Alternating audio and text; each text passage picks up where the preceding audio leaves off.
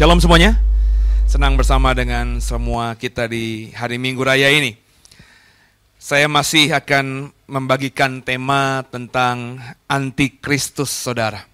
Ya. Saya mengajarkan tentang antikristus masih nyambung pada sesi yang pertama, Saudara.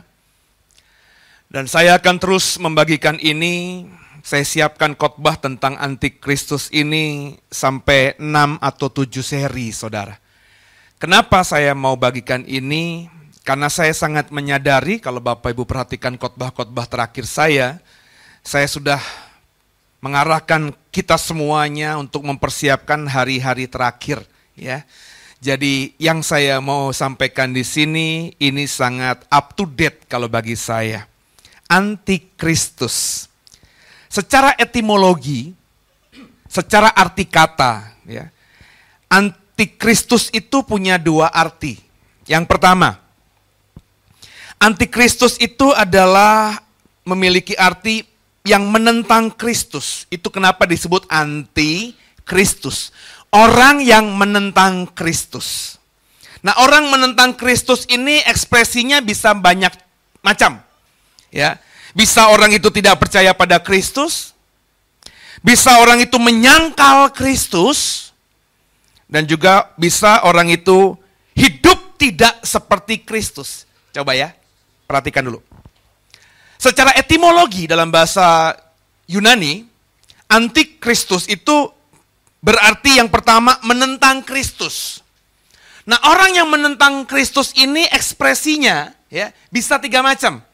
Ada orang yang benar-benar tidak percaya pada Kristus, bisa orang yang menyangkal Kristus, dan yang ketiga, orang yang hidup tidak seperti Kristus. Nah coba deh, yang paling tahu Bapak Ibu adalah Bapak Ibu sendiri. Kalau dibilang kita tidak percaya Kristus, mungkin tidak. Karena kita buktinya kita percaya Yesus. Kalau dibilang menyangkal Kristus juga kita tidak. Buktinya saudara ada di sini hari Minggu. Tapi kalau definisi ketiga tadi, ya, yakni hidup tidak seperti Kristus, coba deh jujur. Hidup tidak seperti Kristus. Bisa jadi loh kita di sini semua masih masuk kategori ini. Hidup tidak seperti Kristus. Dan kalau Bapak Ibu memahami etimologinya, berarti kalau saudara dan saya hidupnya tidak seperti Kristus, kita masuk kategori antikristus sebenarnya. Yang kedua, ya, secara etimologi tadi antikristus artinya menentang Kristus, yang kedua mengganti posisi Kristus. Ya, Artinya mengambil tempat Kristus. Kristus tadinya Tuhan, terus dikudeta gitu oleh orang ini, dan orang ini menempatkan dirinya seperti Kristus, mengganti posisi Kristus. Ini yang disebut dengan bahasa lainnya itu Mesias palsu. Jadi kalau kita ngomongin sosok antikristus saudara, antikristus dan Mesias palsu ini satu pribadi sebenarnya. Satu orang nantinya. Ya, ada kelompok tertentu yang mengatakan orang ini antikristus, tapi ada kelompok lain yang mengatakan ini Mesias, saudara. Tergantung sudut pandang siapa dan bagaimana kau memakai kacamatamu melihat orang ini. Ya, sama kan seperti Yesus ketika dulu hidup. Ketika dia hidup, ada yang memandangnya sebagai rabi, ada yang memandangnya juga sebagai pemberontak. Ada yang menganggapnya sebagai orang benar, dan banyak juga yang menganggapnya sebagai orang tidak benar. Sama nantinya. Sebentar lagi kalau ngomongin antikristus yang satu orang itu, si pembinasa keji kata Yesus di Matius 24, ya. Maka orang ini muncul nantinya. Dan ketika orang ini muncul, dengarkan saya. Bapak Ibu jangan lugu gitu ya. Terus semua orang bilang, orang Kristen pasti nanti akan tahu itu antikristus. Oh enggak. Enggak, enggak, enggak. Nanti ketika dia muncul, ada banyak orang yang menganggap dia antikristus. Tapi lebih banyak orang nanti yang menganggap dia adalah Mesias. Di sesi pertama dan sesi kedua sekarang ini saya belum mendalami tentang siapa itu antikristus. Saya masih membagikan dasar pemahaman Alkitabiah supaya saudara bisa mengerti, punya pondasi berpijak yang benar, berteologia yang benar tentang siapa itu antikristus. Untuk itu kita pelajari saudara, ya surat di Alkitab, terutama di Perjanjian Baru, yang jelas-jelas terang-terangan bicara soal antikristus. Kita buka Surat 1 Yohanes pasal yang kedua. Surat 1 Yohanes pasal yang kedua ayat 18 sampai dengan ayat 27. Nanti tolong dibaca ayat 18 sampai ayat 27 surat 1 Yohanes pasal 2 ini. Silakan. Perikopnya oleh Lembaga Alkitab Indonesia diberi judul clear, telanjang, antikristus. Maksud saya begini, kalau Bapak Ibu mau mendalami tentang topik ini, maka Bapak Ibu tidak bisa tidak membaca ayat ini. Sebab kalau ngomongin terminologi antikristus, sudah saya singgung di sesi pertama tadi, ibadah pagi jam 9, bahwa Yesus sekalipun tidak pernah ngomong keluar dari mulutnya tentang antikristus. Yesus hanya ngomong secara tersirat, tidak tersurat. Ada di Matius 24 bicara mengenai nanti ada orang bilang Mesias ada di sini, Mesias ada di situ. Hanya sekedar ngomong itu doang. Nah di Alkitab kita terutama perjanjian baru yang secara terang-terangan ngebahas, mengekspos, mengajar kita tentang siapa itu antikristus ada di pengajaran Yohanes tercatat di 1 Yohanes pasal 2 ayat 18 sampai 27. Silakan dibaca dulu, saudara perhatikan ayat-ayat ini. Antikristus, anak-anakku, waktu ini adalah waktu yang terakhir. Dan seperti yang telah kamu dengar, seorang antikristus akan datang. Sekarang telah bangkit banyak antikristus. Itulah tandanya bahwa waktu ini benar-benar adalah waktu yang terakhir. Memang mereka berasal dari antara kita, tetapi mereka tidak sungguh-sungguh termasuk pada kita. Sebab jika mereka sungguh-sungguh termasuk pada kita, niscaya mereka tetap bersama-sama dengan kita. Tetapi hal itu terjadi supaya menjadi nyata bahwa tidak semua mereka sungguh-sungguh termasuk pada kita. Tetapi kamu telah beroleh pengurapan dari yang kudus dan yang demikian dan dengan demikian kamu semua mengetahuinya Aku menulis kepadamu bukan karena kamu tidak mengetahui kebenaran, tetapi justru karena kamu mengetahuinya, dan karena kamu juga mengetahui bahwa tidak ada dusta yang berasal dari kebenaran. Siapakah pendusta itu? Bukankah dia yang menyangkal bahwa Yesus adalah Kristus?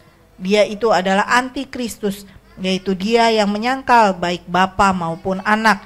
Sebab barang siapa menyangkal anak, ia juga tidak memiliki bapa Barang siapa barang siapa mengaku anak, ia juga memiliki bapa. Dan kamu, apa yang telah kamu dengar dari mulanya, itu harus tetap tinggal di dalam kamu. Jika apa yang telah kamu dengar dari mulanya itu tetap tinggal di dalam kamu, maka kamu akan tetap tinggal di dalam anak dan di dalam bapa. Dan inilah janji yang telah dijanjikannya sendiri kepada kita, yaitu hidup yang kekal. Semua itu kutulis kepadamu, yaitu mengenai orang-orang yang berusaha menyesatkan kamu. Sebab di dalam diri kamu tetap ada pengurapan yang telah kamu terima daripadanya. Karena itu tidak perlu kamu diajar oleh orang lain, tetapi sebagaimana pengurapannya mengajar kamu tentang segala sesuatu dan pengajarannya itu benar, tidak dusta. Dan sebagaimana ia dahulu telah mengajar kamu, demikianlah hendaknya kamu tetap tinggal di dalam Haleluya. Mari Bapak Ibu, kita ekspos ya, kita dalami, kita teliti, kita tarik makna keluar dari pengajaran Yohanes tentang antikristus ini. Saya akan baca ulang ayat 18-nya. Anak-anakku, kata Yohanes, kenapa disebut orang-orang Kristen sebagai anak-anaknya Yohanes? Karena ketika Yohanes nulis ini, Yohanes sudah sangat lanjut usianya. Ya, ada banyak tafsir yang mengatakan bahwa ada dua kemungkinan. Ya, dari banyak tafsir saya cuma bagi dalam dua kelompok. Ada yang mengatakan bahwa ketika Yohanes nulis surat ini, ini surat ditulis sekitar tahun 60 sampai 65 Masehi. Oke? Okay? Kelompok Kristen yang mempercayai bahwa surat Yohanes ini ditulis di sekitar tahun 60 sampai 65 Masehi, itu akhirnya kebanyakan cenderung mengatakan bahwa antikristus itu adalah si Titus, Kaisar Titus yang menghancurkan Yerusalem, yang menghancurkan bait Allah yang dibangun oleh Herodes. Kelompok Kristen lainnya itu kelompok Kristen yang mengatakan bahwa surat Yohanes ini ditulis sekitar tahun 85 sampai tahun 95 Masehi. Berarti peristiwa penghancuran Yerusalem tahun 70 sudah terjadi. Oke? Kelompok Kristen ini saudara yang mengatakan bahwa surat Yohanes ini ditulis tahun 85 sampai tahun 95 Masehi, akhirnya menafsirkan antikristus ini adalah sosok pemimpin agama besar yang muncul di tahun 600 itu. Yang sekarang menjadi agama cukup besar dan di Indonesia yang terbesar itu, saudara. Nangkap saudara mas saya. ya? Nah, ada dua kelompok ini, ya. Saya mengajar saudara posisinya di mana. Nanti akan saya jelaskan setelah saya ngomong di sesi kedua ini. Yang ingin saya katakan Yohanes di sini kemungkinan sudah sangat lanjut usianya. Di beberapa tempat di surat Yohanes dia mengatakan dirinya adalah penatua yang dituakan. Why? Karena semua rasul sudah mati ketika Yohanes menulis surat ini. Ya, yang tertinggal cuma Rasul Yohanes. Dia berkata di ayat 18, "Anak-anakku, waktu ini adalah waktu yang terakhir. Dan seperti yang telah kamu dengar, seorang antikristus akan datang. Sekarang telah bangkit banyak antikristus. Itulah tandanya bahwa waktu ini benar-benar adalah waktu yang terakhir. Kata Yohanes kepada kita anak-anaknya, bahwa waktu terakhir, akhir zaman itu tandanya nanti akan muncul seorang antikristus, akan muncul seorang antikristus, dan sekarang banyak telah bangkit antikristus. Jadi bicara mengenai antikristus, dengarkan saya saudara, bukan cuma bicara mengenai si pembinasa keji, seorang yang nanti muncul di akhir zaman. Kalau bicara mengenai tanda akhir zaman kata Yohanes, antikristus itu banyak bermunculan sebelum nanti yang seorang itu muncul. Ya. Siapa antikristus itu? Menurut Yohanes. Bapak Ibu siap ya? Kenapa saya ngomong siap?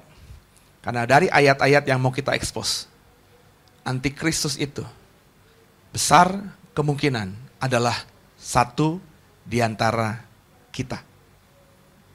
Kenapa saya ngomong begitu? Coba kita lihat ayat 19-nya. Ciri antikristus menurut surat Yohanes ini. Saya ketemu ada empat ciri khas antikristus menurut surat Yohanes ini. Ayat 19, tolong dibaca Marcel. Memang mereka berasal dari antara kita, tetapi mereka tidak sungguh-sungguh termasuk pada kita. Sebab jika mereka sungguh-sungguh termasuk pada kita, niscaya mereka tetap bersama-sama dengan kita. Tetapi hal itu terjadi supaya menjadi nyata bahwa tidak semua mereka sungguh-sungguh termasuk pada kita. Memang mereka berasal dari antara kita. Clear. Itu kenapa di ibadah pagi tadi saya mengatakan saudara, ya, itu kenapa saya akhirnya sebelum saya habisin khotbah ini saya sudah menggugurkan tadi pendapat orang. Saya ngomong apa tadi di prolog? Ada dua tafsir yang mengatakan bahwa surat Yohanes ini ditulis sekitar tahun 55 sampai tahun 65 Masehi. Kelompok Kristen yang memahami surat ini ditulis di tahun 65 Masehi ini cenderung mengarahkan nubuat tentang antikristus ini terjadi di tahun 70. Yang dalam sejarah gereja kita kenal sebagai Titus, dulu jenderal tapi akhirnya menjadi kaisar, the Caesar, Caesar Roma, kaisar Roma. Titus inilah yang menghancurkan Yerusalem. Bait Allahnya Herodes, saudara, itu tergenapi perkataan Yesus, tidak ada satu batu pun yang numpuk di batu yang lainnya, semua akan dihancurkan. Dan memang itu tergenapi. Di tahun 70, Jenderal Titus menghancurkan, membumi hanguskan Yerusalem. Orang-orang Yahudi di Yerusalem mengalami diaspora keluar. Saya bilang berdasarkan ayat 19, bukan. Kenapa bukan?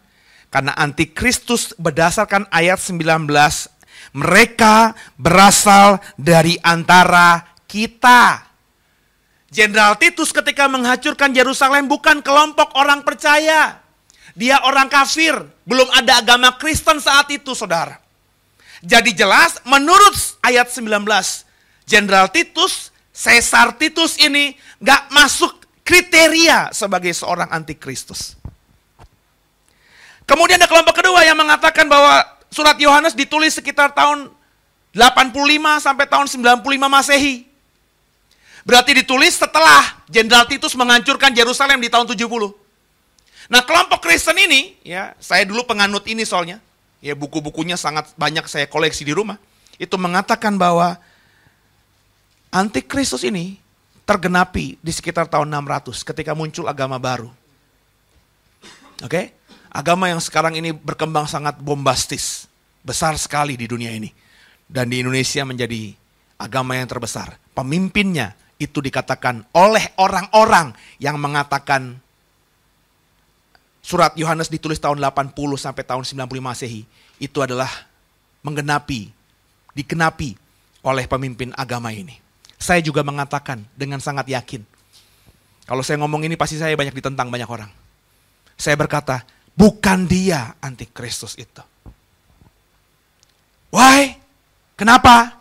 Karena menurut ayat 19, mereka berasal dari antara kita. Saya meskipun tidak mendalami, tapi sosok orang itu, nabi itu saya pelajari. Meskipun tidak dalam, saya punya beberapa bukunya, biografi tentang dia. Tidak ada indikasi sekalipun orang ini tadinya adalah orang Kristen, saudara. Jadi saudara, gugur. Bagi saya, bahwa nabi itu adalah antikristus. Yang saya mau katakan pada hari ini, di sesi ini kepada saudara. Yang disebut dengan antikristus adalah orang yang berasal dari antara kita. Lihat kiri kanan deh. Lihat kiri kanan. Jangan-jangan lu. Ya. Saudara, ini yang Bapak Ibu harus pahami. Ini yang saya pegang benar saudara ketika saya sudah dapatkan kebenaran ini beberapa tahun yang silam. Ya. Itu kenapa dengarkan saya. Kemarin saya khotbah Gog dan Magog. Halo? Lewat mimbar ini saya ngomongin lagi ya. Saya tidak sedang bernubuat. Saya juga sedang tidak mengatakan presiden terpilih Amerika itu adalah antikristus. Tidak. Saya cuma mengekspos ayatnya. Bapak Ibu tentu tolong lihat di YouTube lagi khotbah itu. Ya, khotbah seri pertama itu udah sampai 8.000 orang yang lihat. Khotbah seri kedua sudah sampai 4.000 orang yang lihat. Khotbah seri ketiga itu lebih lagi yang lihat, Saudara. Ya. Jadi total-total khotbah Gog dan Magog tiga seri itu udah hampir 20 ribu orang yang lihat. Saya bersyukur, bukan bangga ini. ya Jemaat kita belum banyak, tapi paling tidak apa yang saya sampaikan lewat mimbar ini sudah dibaca, didengar oleh ribuan orang di luar sana. Saya ngomong apa? Berdasarkan eksposisi yang saya dalami tentang sosok antikristus, besar kemungkinan Donald Trump itu adalah sosok antikristus yang sedang muncul nantinya. Saya sedang tidak berbuat, memperkirakan doang. Kenapa? Karena lewat statementnya ketika kampanye, Donald Trump mengatakan akan mengembalikan Yerusalem sebagai ibu kota Israel. Saya ngomong di khotbah itu, kendala kenapa bait Allah ketiga belum terbangun karena tidak ada satupun negara besar di dunia yang menganggap Yerusalem adalah ibu kota Israel. Itu problem. Kenapa? Karena bait Allah ketiga itu harus dibangun di Yerusalem. Jadi jika nanti, makanya saya ngomong di khotbah Gog dan Magog, tinggal tunggu aja Januari nanti dia diangkat jadi presiden Amerika.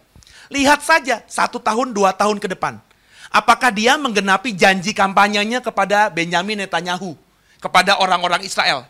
Kalau dia benar-benar menggenapi janjinya sebagai presiden Amerika dia mengatakan dia akan memindahkan ibu kota maafkan dia akan memindahkan kedutaan besar Amerika dari Tel Aviv menuju ke Yerusalem dan memproklamirkan kepada banyak orang bahwa Amerika, United States of America, mengatakan bahwa Yerusalem adalah ibu kota Israel.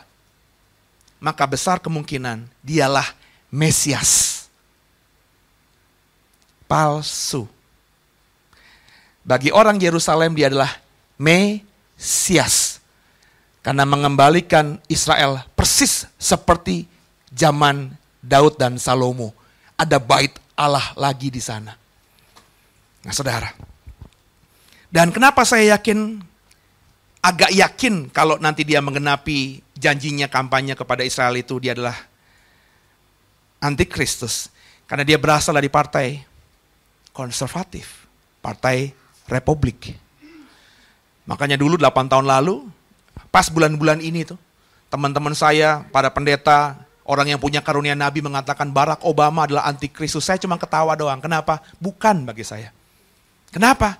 Meskipun Barack Obama itu Kristen, tapi dia berasal dari partai Demokrat. Partai yang cenderung liberal. Partai yang tidak punya sejarah dibangun oleh orang-orang Kristen konservatif. Beda dengan partai Republik. Partai yang memang dibangun oleh pendeta-pendeta puritan, orang-orang yang benar-benar injili. Maka kalau ngomongin republik itu dia menentang, saudara. LGBT, dia menentang uh, apa namanya uh, aborsi. Dia menentang semua tindakan-tindakan yang tidak sesuai dengan iman Kristen. Ya. Dan entah kenapa Donald Trump ini memang berasal dari partai Republik. Nah, Saudara, yang ingin saya katakan, ciri khas antikristus menurut surat Yohanes adalah berasal dari kalangan kita. Wah, lo potensi jadi antikristus. Ya. Pada Harto, lo juga potensi. Jangan ketawa. Lo juga bisa bilang sama saya, Seno, lo juga potensi. Ya, memang benar kok. Kalau Alkitab kita percayai, kita semua di sini, di ruangan ini, saudara yang dengarkan program ini juga, kita berpotensi menjadi antikristus. Itu yang pertama.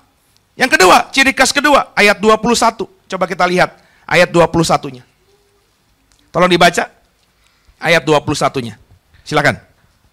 Aku menulis kepadamu bukan karena kamu tidak mengetahui kebenaran, tetapi justru karena kamu mengetahuinya, dan karena kamu juga mengetahui bahwa tidak ada dusta yang berasal dari kebenaran. Nah, lihat, perhatikan lagi. Perhatiin lagi, saudara. Aduh, saudara. Saudara kalau benar-benar mendalami ini sungguh, dan orang yang saya sebutkan tadi kau dalami sungguh, ya, itu sudah mendekati benar-benar kriteria antikristus menurut Yohanes ini. Yang pertama, kata Yohanes, ciri khas antikristus adalah orang ini berasal dari kalangan kita. Kita ini siapa? Orang Kristen. Kita ini siapa? Gereja Tuhan.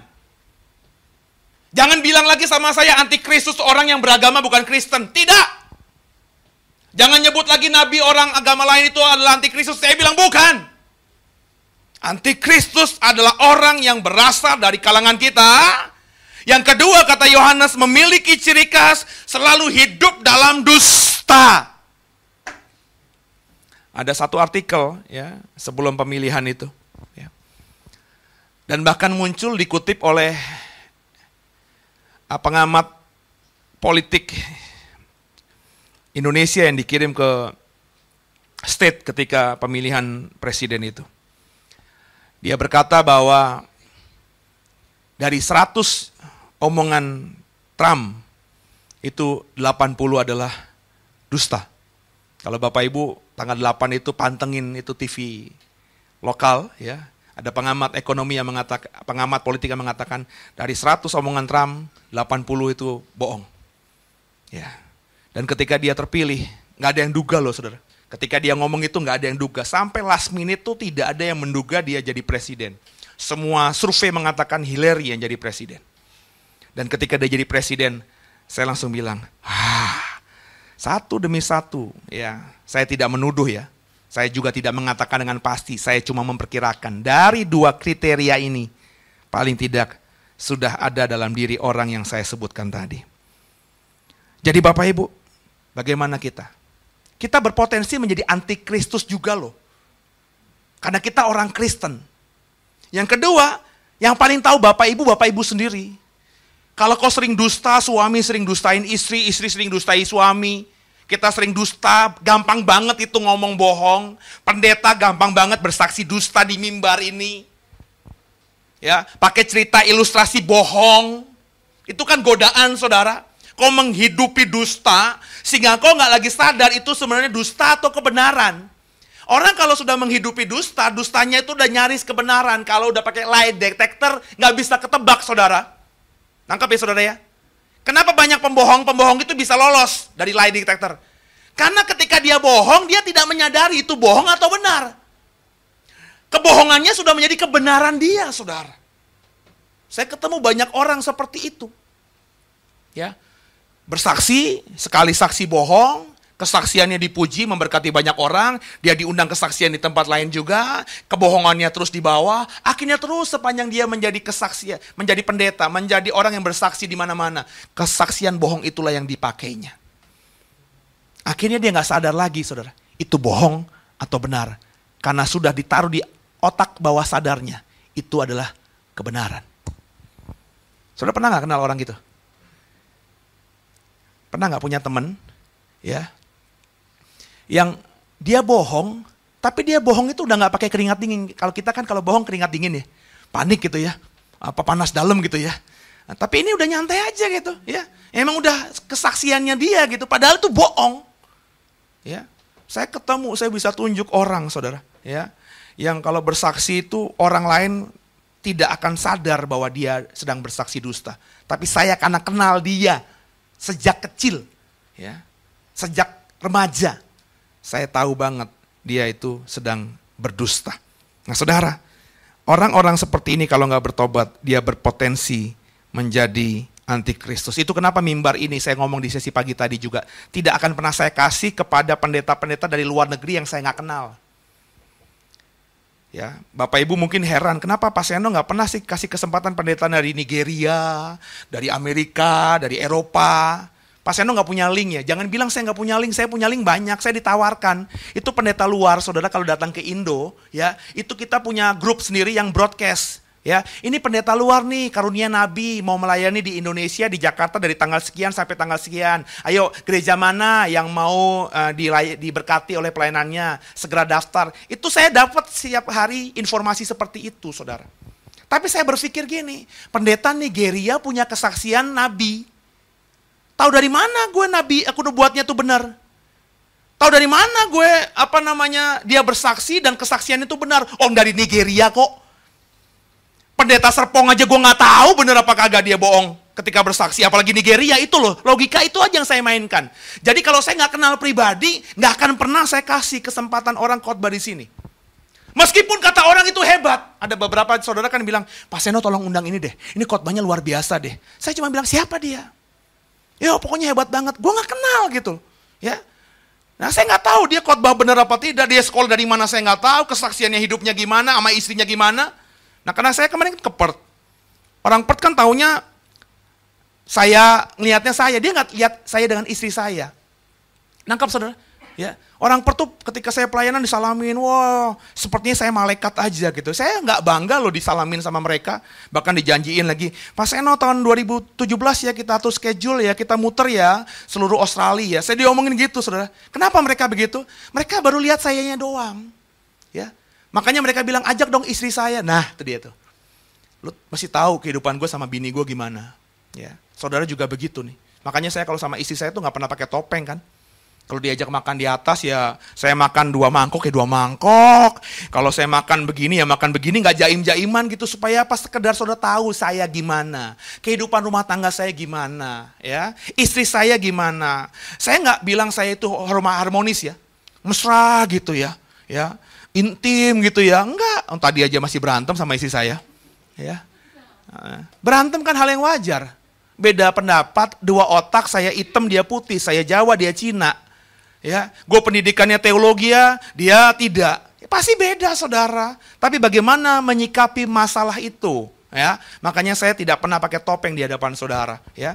Kalau saudara ketemu saya di tengah minggu pasti nggak begini ya. Saya kalau ke gereja tengah minggu pakai celana pendek ya. Saya kalau marah ya marah. Beberapa orang di sini udah pernah saya marahin gitu saudara ya. Cuma kalau udah marah ya udah selesai gitu saudara. Nggak disimpan dalam hati ayo sama-sama. Kita belajar jadi orang yang jujur. Orang yang benar-benar menunjukkan dirinya sendiri ya. Tidak pakai topeng tidak hidup dalam dusta.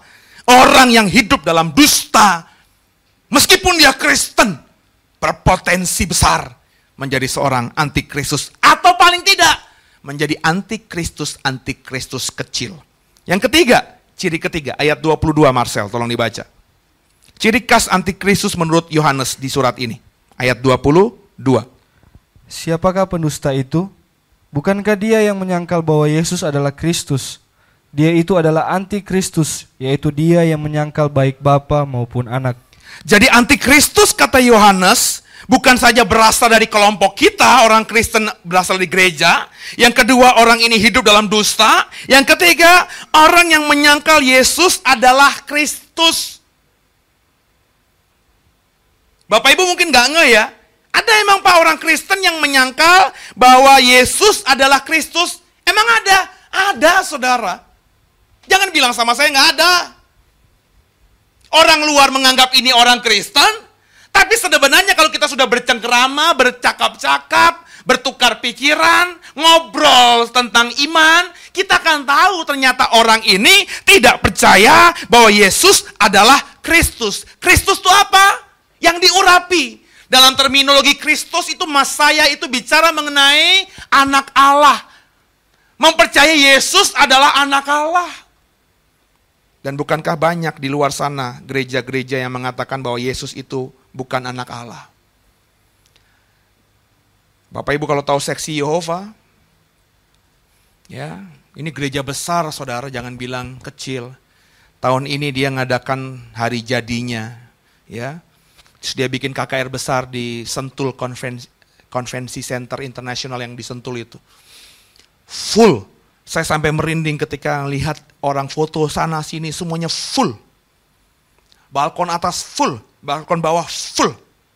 Itu diperkirakan 5.000 sampai 7.000 orang yang hadir di convention Sentul itu ketika saksi Yehova mengadakan kebaktian kebangunan rohani. Kalau Bapak Ibu sudah kuat iman, ya nanti tanya sama saya, saya kasih itunya websitenya mereka. Ya. Waduh, Bapak Ibu kalau baca websitenya cuma satu artikel, kagum deh. Kagum. Ya, tapi kalau dibaca lengkap baru kita ngeh. Tapi kalau Bapak Ibu belum kuat iman, jangan sekali-sekali dah. Ya. Dari muka-mukanya sih muka-muka belum kuat iman semuanya. Karena kalau kita baca sepintas lalu, kok nggak bisa bedain pengajaran Kristen sejati sama penyesatan, saudara? Tipis. Ya. Dia mengatakan Yesus adalah anak Allah. Iya, tapi bukan Allah. Kenapa? Karena Bapa itu lebih tinggi daripada anak. Nah, kalau kita kan tidak. Meskipun kita mengimani Yesus adalah anak Allah, tapi dia dan Bapa adalah satu. Trinitas, Tritunggal itu, kita imani sungguh Allah yang ehat, itu sudah saya singgung di khotbah-khotbah yang lalu-lalu. Allah yang satu itu, ya benar-benar bisa kita imani dengan sungguh. Ayo sama-sama kekasih Tuhan. Ya, coba dibuka 1 Yohanes 4 ayat 2 sampai 3 untuk menajamkan seperti apa sih menyangkal Yesus adalah Kristus itu. 1 Yohanes 4 ayat 2 sampai 3. Silakan. Demikianlah kita mengenal roh Allah.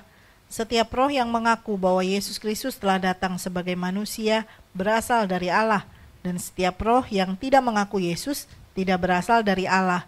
Roh itu adalah roh antikristus dan tentang dia telah kamu dengar bahwa ia akan datang dan sekarang ini ia sudah ada di dalam dunia. Barang siapa yang tidak bisa mengaku bahwa Yesus Kristus telah datang sebagai manusia, maka orang ini tidak memiliki roh dari Allah. Pak Seno ngomong dari tadi seksi Yova mulu. Emang pendeta ada? Ada pak. Kalau saya mau sebutin, secara etika pelayanan nggak boleh. Ya, tapi nanti off the record setelah saya turun mimbar, kau boleh tanya sama saya siapa pendeta-pendeta itu. Ya. Pendeta yang bahkan sekarang ini masih mengajar sebagai dosen teologi ya saudara. Yang mengatakan bahwa Yesus itu bukan Allah. Desertasinya clear, Yesus bukan Tuhan. Tapi lulus dengan summa cum laude. Dan jadi pendeta berdiri di mimbar gereja. Lulu semua datang dengan lugu datang kepada Tuhan hari Minggu ke gereja. Dengerin pendeta khotbah. Pendeta yang desertasinya bilang Yesus bukan Tuhan. Bapak Ibu kalau nggak kenal dia kan nggak tahu. Amin, ini keren banget ini pendeta ya. Mendalami, mengangkat dari latar belakangnya, bla bla bla bla, bahasa Yunani, bahasa Ibrani. Sepertinya benar. Tapi dengarkan saya kalau kau dalami siapa dia, kau akan ngerti. Nah saudara, saya ngomong ini bukan ngomongin orang-orang lain, saya ngomongin diri saya. Berapa banyak di sini yang kenal saya benar? Nggak ada, jarang. Tahu Seno, tapi nggak kenal saya benar.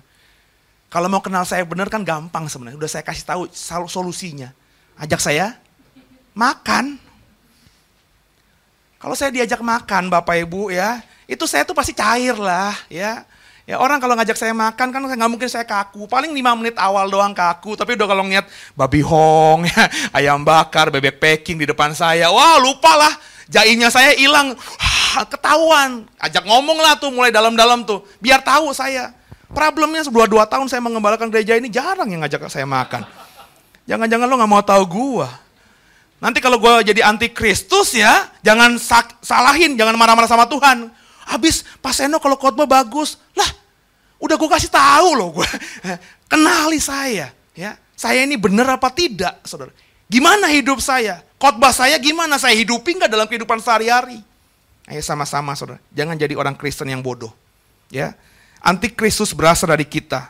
Hidup dalam dusta dan menyangkal Yesus adalah Kristus. Yang keempat ayat 26. Ciri khas antikristus menurut Yohanes. Masih di surat Yohanes yang kedua. Pertama, pasal 2 ayat yang ke-26. Silakan.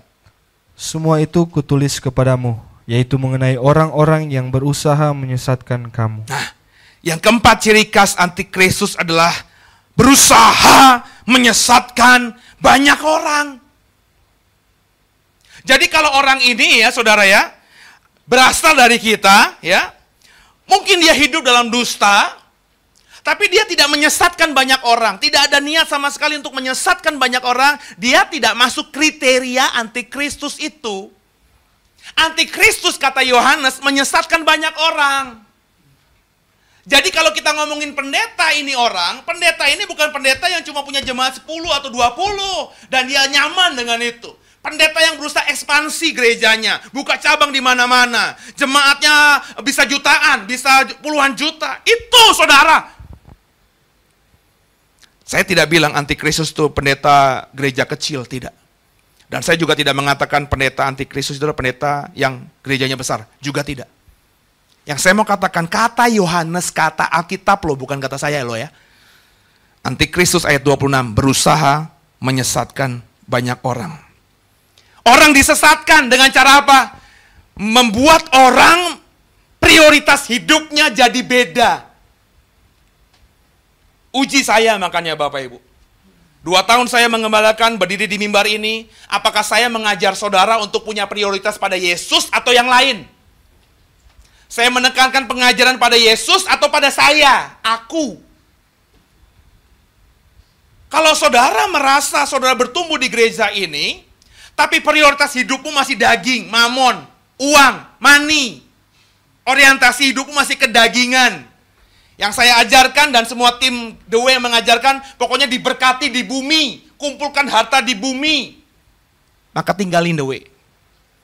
Tinggalin gereja ini. Karena gereja ini sudah menjadi sarang dari antikristus. Coba Buka mata hatimu lebar-lebar. Prioritas hidupmu sekarang ini apa? Masih daging nggak?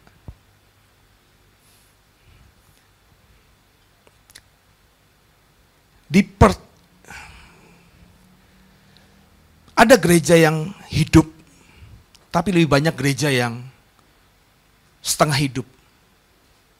Dibilang hidup tidak, dibilang mati pun tidak, karena hari Minggu masih ibadah. Kenapa saudara? Saya selidiki dari perbincangan, prioritas hidup mereka ternyata masih duniawi. Fokusnya pada perkara-perkara di bawah, bukan di atas. Bapak ibu nggak bisa begitu lagi. Kita sudah hidup di generasi akhir Kau harus mencari perkara-perkara di atas. Fokusmu harus pada Yerusalem baru, langit baru, bumi baru. Tempat Bapak, Ibu, dan saya nanti hidup dalam kekekalan. Dengarkan saya ya, iman Kristen tuh nggak berhenti ketika kita mati loh saudara. Kok jangan lagi punya pikiran, yang penting kita jaga iman sampai mati di dunia ini. Kau harus tambahkan imanmu bahwa Alkitab kita mengatakan ada kehidupan setelah kematian di bumi ini. Dan Bapak Ibu harus punya goal sekarang ini nih, habis dengar khotbah saya ini, untuk masuk dalam kehidupan ini. Jangan berhenti sampai mati doang. Sebab kalau berhenti sampai mati doang, buat apa Yesus mati di atas kayu salib?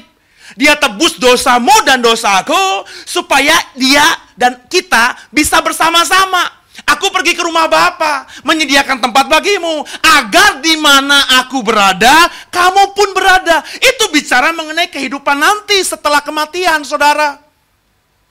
Yang kata Alkitab hidup kekal itu tidak dibatasi ruang dimensi waktu lagi. Nah sudah sana belum hidup saudara?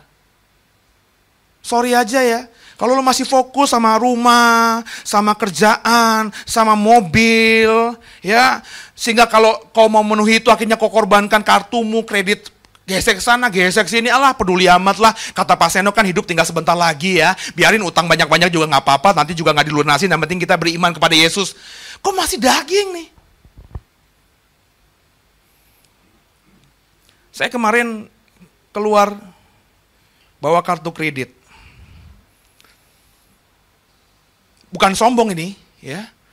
Kenapa saya bawa? Karena semata-mata saya tahu kalau saya tinggal di hotel harus pakai jaminan kartu kredit. Tapi tanya isi saya, saya gesek nggak? Nggak. Oh, Seno mungkin bawa duit cash.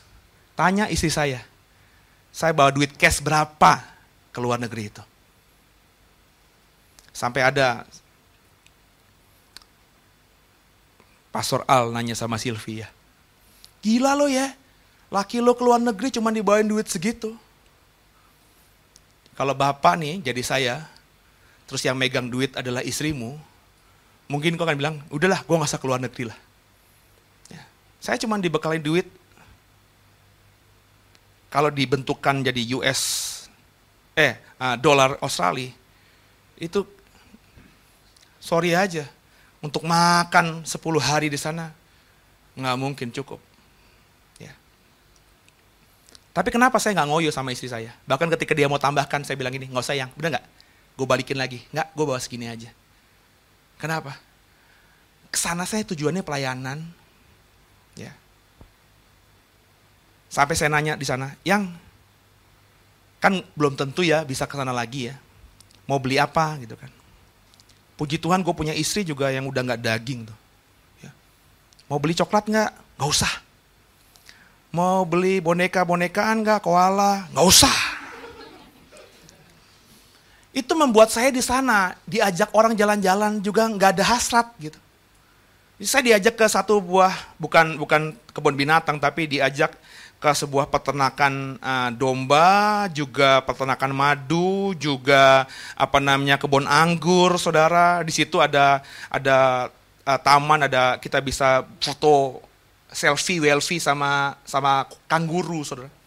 Ini saya ngomong ya, yang foto sama kanguru tuh bukan orang-orang item-item orang Asia kayak saya, enggak, orang-orang bule juga. Saya sampai geleng-geleng kepada orang-orang bule ini kan bisa jadi orang-orang Australia juga ya. Itu fotonya bisa tiduran gitu ya. Sama kanguru, pelukan gitu ya. Kangurunya udah jinak saudara, bisa digendong. Terus saya yang ngajak bilang, Pak Sena foto nggak sama ini? Ah, ngapain ke orang gila saya bilang gitu kan. Masa foto sama kanguru? Saya cuma foto dari jarak jauh aja saudara. Ya, ada warmot, ada koala bisa dipeluk saudara. Itu ngantri panjang ya. Saya disuruh ngantri sama yang nganter saya, karena udah ke sini pak, udah bayar mahal kita pak. Eh, belum tentu loh, saya, saya aja ke sini cuman kalau anak doang. Gitu. Mau nggak foto sama koala? Oh gak, saya bilang gitu. Kenapa? Karena ya prioritas hidupnya memang bagi saya keluarga kami bukan lagi daging gitu ya. ya. Saya nggak beli coklat, tapi Tuhan tahu saya harus ngasih coklat buat anak dan istri saya. ya, satu koper kecil, saudara akhirnya dapat oleh-oleh. Dan bodohnya saya, saudara, over bagasi. Ya. Jadi nggak boleh masuk ke kabin. Ya, Pak Yusak tahu itu. Ini ini nggak boleh nggak boleh Pak. Ke kabin itu harus 7 kilo 7 kilogram gitu kan ya. Ke koper saya sampai 12 kilogram yang kecil. Jadinya saya harus masukin ke uh, bagasi ya, nggak bisa masukin ke kabin. Dan di bagasi di port sekarang ini tuh musim panas. Jadi sebenarnya saya dapat oleh-oleh coklat banyak. Ya. Cuma nggak layak dikasih ke saudara. Kenapa? Karena lumer. Bentuk Cadbury-nya udah nggak kotak lagi, saudara ya. Bentuk yang apa kalengan juga dalamnya udah hancur. Kenapa? Saya masukin ke bagasi dan itu terjemur dan akhirnya lumer. Dan sampai sampai rumah malam-malam isi langsung masukin ke kulkas semuanya. Saya saja yang mau makan bingung ini coklat atau bukan, saudara. Jadi sebenarnya ya Berkat itu kalau dibagiin ke saudara more than enough ya, banyak sekali. Cuma jujur aja tidak berbentuk lagi ya, karena dimasukin ke bagasi. Nah saudara kekasih Tuhan, yang saya mau katakan, antikristus ciri khasnya ada empat, kata Yohanes tadi. Antikristus bukan dari luar kita, dari sesama kita, dari kalangan kita. Antikristus hidup dalam dusta. So kalau Bapak Ibu masih merasa dirimu sering berdusta, jangan-jangan kita adalah orang yang berpotensi besar menjadi antikristus. Yang ketiga antikristus adalah orang yang tidak yang menyangkal Yesus adalah Kristus. Percaya ketuhanan Yesus, oke? Okay? Percaya Yesus itu anak Allah mungkin, percaya Yesus itu nabi mungkin, percaya Yesus itu pembawa mujizat mungkin, tapi tidak percaya Yesus adalah Kristus yang diurapi itu. Ya, Mesias itu, yang dinanti-nantikan itu. Yang keempat, antikristus adalah orang yang berusaha menyesatkan banyak orang. Nah, supaya tidak menjadi antikristus, supaya tidak menjadi pengikut antikristus, apa kata Yohanes yang harus kita lakukan? Saya ingatkan khotbah seri pertama tadi dan kedua ini baru dasarnya doang. Kita belum ngomong sampai angka 666, Saudara ya. Ya, nanti kita akan dalami karena khotbah ini khotbah 6 sampai 7 seri. Supaya tidak menjadi antikristus, supaya tidak menjadi pengikut antikristus. Kata Yohanes apa? Tolong dibaca. Masih di 1 Yohanes pasal 2 ayat yang ke-20. Ada tiga langkah yang harus Bapak Ibu lakukan kalau tidak mau menjadi antikristus dan tidak mau jadi pengikut antikristus berdasarkan surat Yohanes ini. Ayat 20 yang pertama, silakan. Tetapi kamu telah beroleh pengurapan dari yang kudus, dan dengan demikian kamu semua mengetahuinya. Yang pertama, supaya kita tidak bisa menjadi antikristus, juga tidak bisa jadi pengikut antikristus, dengarkan. Saudara dan saya, kata Yohanes, harus menerima atau sudah harus menerima pengurapan dari yang kudus itu. Terima pengurapan dari yang kudus itu. Jadi jangan bilang sama saya nggak penting pak pengurapan. Penting saudara. Pengurapan dari roh kudus secara pribadi. Pengurapan dari Tuhan secara pribadi. Itu penting saudara. Nah saya nggak tahu bapak ibu gimana. Apakah sudah mengalami pengurapan dari Tuhan? Kalau ngomongin roh kudus pernah merasa dijamah roh kudus. Pengurapan itu bisa langsung direct dari surga, tapi kebanyakan dalam konteks kekinian sekarang ini lewat pengantaraan, perantaraan. Di perjanjian lama oleh imam, di perjanjian baru oleh banyak hamba Tuhan. Maka Bapak Ibu, Bapak Ibu harus memiliki pengurapan dari yang kudus. Ya. Pengurapan dari yang kudus itu dijelaskan di ayat 27. Tolong dibaca. Ayat 27, 1 Yohanes pasal 2 diperdalam di ayat 27. Sebab di dalam diri kamu tetap ada pengurapan yang telah kamu terima daripadanya. Karena itu tidak perlu kamu diajar oleh orang lain. Tetapi sebagaimana pengurapannya mengajar kamu tentang segala sesuatu dan pengajarannya itu benar, tidak dusta. Dan sebagaimana ia dahulu telah mengajar kamu, demikianlah hendaknya kamu tetap tinggal di dalam Dengarin saya ya. Ini saya imani dan tergenapi dalam hidup saya. Bagi saya kan susah nih. Kan tadi kan gini kan, supaya kita tidak jadi antikristus, supaya kita tidak jadi pengikut antikristus, kata Yohanes Bapak Ibu harus terima pengurapan dari yang kudus, benar ya? Tapi bagaimana dampaknya apa setelah kita dapat pengurapan? Bagaimana caranya kita dapat pengurapan? Saya bilang tadi pengurapan itu bisa langsung datang dari Tuhan, bisa juga lewat perantaraan imam atau sekarang ini pendeta. Tapi dengarkan saya, kata Yohanes di ayat 27 tadi. Orang yang sudah dapat pengurapan dari yang kudus itu dampaknya, efeknya kelihatan. Coba deh baca ayat 27 tadi. Efeknya apa? Orang yang sudah terima pengurapan dari Tuhan, orang ini akan punya kehausan, kerinduan untuk mendalami firman Tuhan. Coba baca. Sebab di dalam kamu tetap ada pengurapan yang telah kamu terima daripadanya. Karena itu tidak perlu kamu diajar oleh orang lain. Tapi sebagaimana pengurapannya mengajar kamu tentang segala sesuatu. Dan pengajaran itu benar, tidak dusta. Sebagaimana ia dahulu telah mengajar kamu. Sehingga hendaknya kamu tetap tinggal dalam dia. Kalau kau dalami pelan-pelan ayat ini, saya mengatakan, saya bersaksi dalam hidup saya, setelah saya mengalami pengurapan Tuhan, itu paling tidak dampaknya, yang paling gampang dari diri sendiri, ada muncul kehausan akan Tuhan, ada kerinduan untuk terus tinggal dalam Tuhan. Dan yang paling tahu itu adalah dirimu sendiri. Coba tanya aja pada dirimu. Bapak Ibu ada kerinduan nggak? Baca Alkitab. Kerinduan nggak? Untuk lebih mengenal Tuhan. Sorry ya, say sorry ya. Kalau kau sama sekali nggak punya kerinduan itu. Alkitab di depan matamu, kau lagi nggak ngapa-ngapain, nggak ada hasrat sama sekali untuk baca. Oke?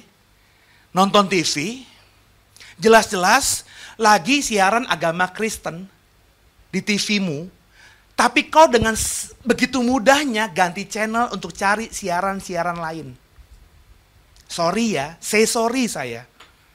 Kalau saudara seperti itu, jangan-jangan saudara belum dapat pengurapan dari yang kudus itu. Saya mengajarkan saudara, orang yang sudah terima pengurapan dari yang kudus, itu punya kerinduan untuk lebih mengenal Tuhan secara pribadi di waktu senggangnya, di waktu sisanya, ada kerinduan seperti rusa yang haus, rindu aliran sungaimu. Bagaimana dengan saudara? Yang kedua, supaya tidak jadi antikristus dan jadi pengikut antikristus kata Yohanes, apa yang harus kita lakukan? Ayat 21-nya. 1 Yohanes 2 ayat 21, silakan. Aku menulis kepadamu bukan karena kamu tidak mengetahui kebenaran, tetapi justru karena kamu mengetahuinya dan karena kamu juga mengetahui bahwa tidak ada dusta yang berasal dari kebenaran. Perhatikan baik-baik. Yang kedua supaya kita tidak bisa menjadi antikristus, supaya kita tidak bisa jadi pengikut antikristus, bukan saja Bapak Ibu terima pengurapan dari yang kudus, kata Yohanes ayat 21, Bapak Ibu harus mengetahui kebenaran dan dengarkan saya, kebenaran itu harus dicari. Bapak Ibu nggak bisa ujuk-ujuk tiba-tiba tahu kebenaran. Anak kita harus sekolah, kita dulu harus sekolah supaya kita tahu kebenaran. Satu tambah satu tuh nggak tahu, nggak bisa terjadi sendirinya. Silo itu mesti diajar berkali-kali dan dia harus punya kemauan untuk belajar. Satu tambah satu, akhirnya dia ngerti dua. Dua tambah dua, akhirnya dia ngerti empat. Kalau si Sion sekarang ini anak saya yang pertama sudah level kali-kalian, bagi-bagian. Tapi dia sampai sini ya, sampai pengetahuan itu harus ada kerinduan. Carilah dulu kerajaan Allah dan kebenarannya, maka semuanya akan ditambahkan padamu. Carilah maka kau mendapatkannya. Pak, Bu, kebenaran itu harus dicari. Carilah Tuhan selama ia berkenan ditemui saudara. Jadi kalau saudara aja baca Alkitab nggak mau, ibadah ke gereja hari Minggu aja bolong-bolong, komsel aja nggak mau aktif, persekutuan diundang di sana sini, persekutuan doa di rumahmu, tetanggamu bikin PD, kok nggak pernah mau datang. Pertanyaannya, gimana saudara bisa menganggap dirimu sudah tahu kebenaran? Saudara belum tahu kebenaran, Saudara baru hanya mendengar kebenaran tapi belum tahu apalagi kenal kebenaran itu.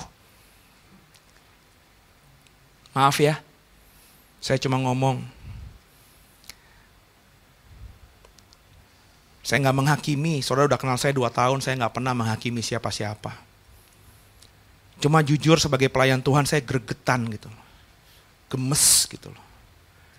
Jemaat Dewe belum banyak, So, saudara saya tahu banget saudara. Ya. Dari ekspresi saudara menyikapi hidup. Ya. Dari kita kalau ngobrol se semenit dua menit. Ya. Itu udah ketahuan. Saya bukannya bisa kuamia orang ya. Tapi saya udah bisa menilai orang. Ya. Orang ini bagaimana kepada Tuhan. Pemahamannya kepada Tuhan. Kerinduannya jadi jangan bilang sama saya nggak penting, nggak nggak ada untungnya Pak baca Alkitab. Ya. Sorry ya, di sini kalau ada orang yang tidak baca Alkitab, tidak pernah baca Alkitab sehari-hari, nggak pernah buka Alkitab, sorry jangan bilang sama saya kau sudah hidup dalam kebenaran. Dan dengarkan saya sebagai pelayan Tuhan, saya berkata mimpi kalau saudara kau berpikir mati kau masuk ke surga. Iman timbullah di pendengaran akan firman Kristus.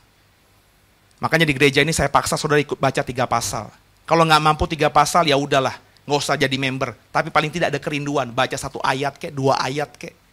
lima ayat kek. Saudara baca ayat, hafal ayat, ayat itu jadi hidup dalam diri kita. Yang untung bukan seno ini. Tahu nggak sih? Nggak ada untungnya saya. Yang untung saudara sendiri. Ayo sama-sama. Tahu kebenaran yang untung saudara sendiri. Sebab nanti yang menghadapi antikristus bukan saya, tapi saudara sendiri. Kita nggak bisa ya, kita belum tentu tahu ya. Bagaimana antikristus ketika muncul, apakah persekutuan JKIDW ini masih ada apa tidak? Saya nggak tahu loh. Apakah di Serpong ini aman-aman aja? Kalau kita baca Matius 24 sebelum antikristus datang itu akan ada gempa bumi. Ya, mungkin Serpong ini terbelah. Sehingga meskipun rumah saya di alam sutra, sudah di film Lati, kita nggak bisa berhubungan. Kenapa? Ada jurang yang dalam. Nah kalau begitu gimana? Kita nggak bisa kontak kan? Kalau nggak bisa kontak nanti menghadapi antikristus, kalau menghadapi dirinya sendiri. Gimana coba nanti? Bayangin. Ya. Oh saya bisa pak. Saya akan bisa jaga iman. Wah, saya nggak mungkin sangkal Yesus. Pak Seno tahu lah. Sekarang kok nggak mungkin sangkal Yesus. Kenapa? Karena belum ada pisau ditaruh di sini. Coba masing-masing ada pisau di sini. Sangkal Yesus. Hidup atau mati kalau tidak mau sangkal dia. Ayo. Pak, kesusahan sehari untuk hari ini. Esok punya kesusahannya sendiri. Ya. Tapi kalau nggak dipupuk dari sekarang gimana? Saya kadang-kadang marah juga sama orang yang kalau kan ada tuh ya di broad, gampang banget orang broadcast kalau orang dibunuh sama ISIS itu. Bapak Ibu pernah lihat gak? Yang orang digorok sama ISIS ya, terus di broadcast ke WA kita, ke Facebook kita. Ya.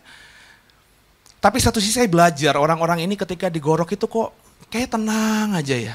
Tenang itu saya nggak tahu ya, apakah matanya ditutup, dia nggak tahu situasi, atau dia sudah siap menghadapi kematian itu. Tapi saya berpikir positif aja, mereka memang sudah siap.